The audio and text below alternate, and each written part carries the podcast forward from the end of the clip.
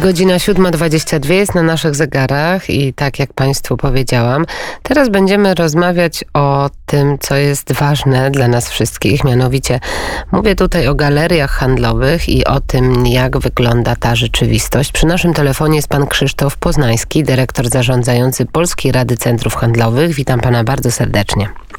Dzień dobry pani, dzień dobry państwu. Istny roller coaster mają Państwo, jeżeli chodzi właśnie o galerie handlowe i o to, co się dzieje. Jak Pan ocenia tę sytuację z tym całym tym ciągłym zamykaniem, otwieraniem i taką niepewną sytuacją jutra?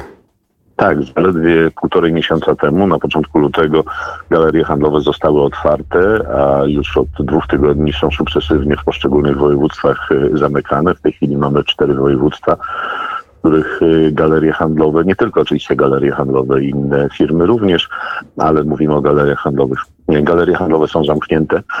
No, jest, jest to bardzo niedobry, y, nie, niedobra rzecz. Y, właściciele galerii handlowych, najemcy, sklepy bardzo mocno odczuwają taki sposób zarządzania galeriami, ponieważ oni muszą się przygotować na otwarcie sklepów, muszą się przygotować na otwarcie galerii i ledwie po czterech tygodniach muszą je znowu zamykać. Znowuż muszą opróżnić sklepy z towaru, znowuż muszą puścić ludzi na urlopy, na zwolnienia. E, nie, nie, nie można w ten sposób prowadzić biznesu. Ludziom potrzebna jest jakaś stałość, jakaś przewidywalność. Ta stałość i przewidywalność tak oczywiście jest potrzebna, ale jak pan rozmawia z właścicielami centrów handlowych, to przecież też zakupili pewnego rodzaju produkty, przygotowali się do świąt na pewno. I co teraz? Tak, właśnie o tym mówię. Sklepy po tym okresie lockdownu e, w styczniu zostały zatowarowane na początku lutego, zostały wprowadzone nowe kolekcje, wiosenne kolekcje, sklepy spożywcze też zostały zatowarowane w towary e, o krótkiej przydatności, które nie mogą leżeć w sklepie dłuższy czas. I teraz nagle po 4-5 tygodniach dowiadują się, że muszą znowu te sklepy zamknąć, ten towar musi ze sklepu wyjechać, e, być może, że te kolekcje nie będą sprzedane znowuż, znowuż upłynie ich termin e, przydatności. E, mówię o produktach spożywczych. E, I, i, I znowuż są w wielkim kłopocie zarówno najemcy, zarówno właściciele sklepów, jak i właściciele galerii handlowych. A co na to strona rządowa? Czy proponuje Państwu jakieś dodatkowe rekompensaty? Bo z tego, co rozmawiałam z przedstawicielami rządu, to uważają, że to, co zostało już zaproponowane, jest pomocą ostateczną i zamkniętą. Strona rządowa nie proponuje nam e, żadnych dodatkowych rekompensat. Co więcej, branża centrów handlowych została potraktowana w sposób e, wyjątkowy w stosunku do innych branż, ponieważ e, strona rządowa postanowiła ustawą z 2 marca zeszłego roku postanowiła, że wynajmujący nie będą otrzymywać czynszu od najemców. Została wprowadzona tak zwana abolicja czynszowa. E, co było na pewno zdecydowanie ulgą dla najemców, dla sklepów, ale spowodowało, że wynajmujący nie otrzymywali żadnych pieniędzy. My jako branża wnosimy o to, żeby rząd wspierał najemców, żeby dopłacał do czynszów, które będą przekazywane wynajmującym właścicielom galerii handlowych. Czyli właściciele galerii handlowych, z tego co rozumiem, ponieśli dużo większe straty niż właściciele sklepów? Ja nie chcę mierzyć w tej chwili tych strat, bo obie strony poniosły olbrzymie straty. E, oceniamy, że od początku zeszłego roku branża handlowa, sklepy e, zmniejszyły swoje obroty około 32 miliardy złotych.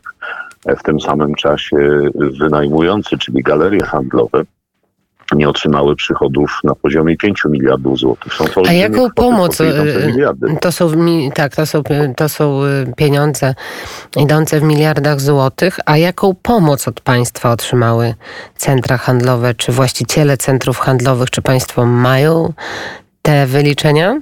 No właśnie to jest ten problem, że w większości właściciele centrów handlowych, centra handlowe nie otrzymały żadnej pomocy. Centra handlowe działają w ten sposób, że każde z centrów handlowych jest y, osobną spółką, tak zwaną spółką celową, spółką, która jest właścicielem centrum handlowego, ale nie, zazwyczaj nie zatrudnia żadnych ludzi, więc ta pomoc skierowana na utrzymanie miejsc pracy, na pokrycie ZUS-u nie trafiła do spółek, które są właścicielami centrów handlowych. I w praktyce. Ale jak nie zatrudniają, nie zatrudniają żadnych pracowników? Na pewno kogoś zatrudniają. E, nie, tak to jest zorganizowane, tak jak, tak jak powiedziałem. Pracowników e, zatrudniają e, duże spółki, które są właścicielami mm, poszczególnych centrów handlowych, że tak powiem. Czyli te duże spółki dostały jakieś rekompensaty, czy nie, w ogóle nikt powiem, nie, nie dostał one też nie, do, one też nie dostały żadnych rekompensat. To ciekawe zagadnienie, o którym pan mówi, że, że Tak, ta branża, że branża, rzeczywiście została, ta branża rzeczywiście została w pewien sposób pominięta, jeśli chodzi o pomoc e, rządową w e, kryzysie. A może wyliczenia, może wyliczenia były takie, że jest to branża bardzo dochodowa i, e, i zresztą dosyć często otwierana, tak? W porównaniu nie do wiem, innych branż. Nie wiem, jakie, jakie były wyliczenia. Mówię tylko o tym, jak Y, to wygląda w praktyce. A czyli żad, żadnych pieniędzy, rozumiem, ani z funduszu, nie, branża, żadnych, branża, ani... Branża centrów handlowych nie, nie otrzymała takiej pomocy.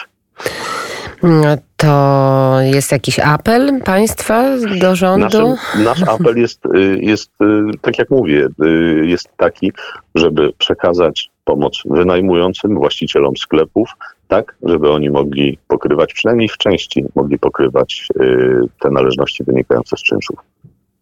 No ale takie duże sklepy jak Carrefour czy inne, które są cały czas otwarte, to przecież też płacą odpowiedni czynsz, prawda? Właścicielom. E, no tak, te otwarte sklepy, tak, natomiast no, centra handlowe to jest y, od kilkudziesięciu do kilkuset najemców i oni w większości byli zamknięci. E, my mówimy tylko o y, niektórych sklepach, które w czasie lockdownu były w centrach handlowych otwarte. To są sklepy spożywcze, to są apteki, to są niektóre punkty usługowe.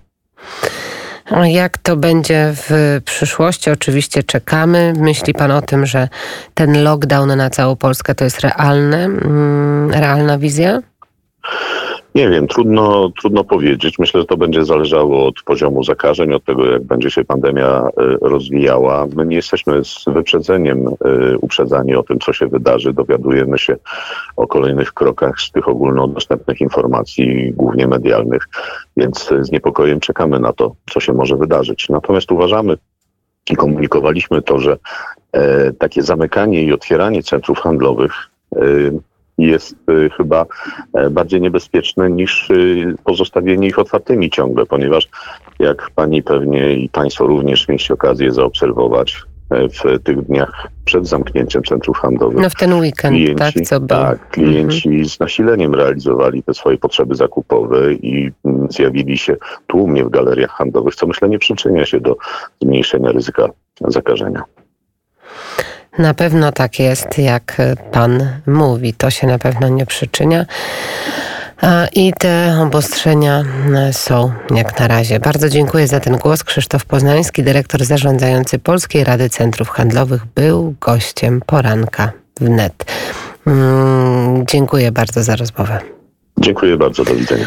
A my jeszcze patrzymy na te limity osób w mm, placówkach. Jedna osoba na 10 metrów kwadratowych w sklepie Duo do Y, przepraszam, 100 metrów i jedna osoba na 15 metrów kwadratowych w sklepach powyżej 100 metrów.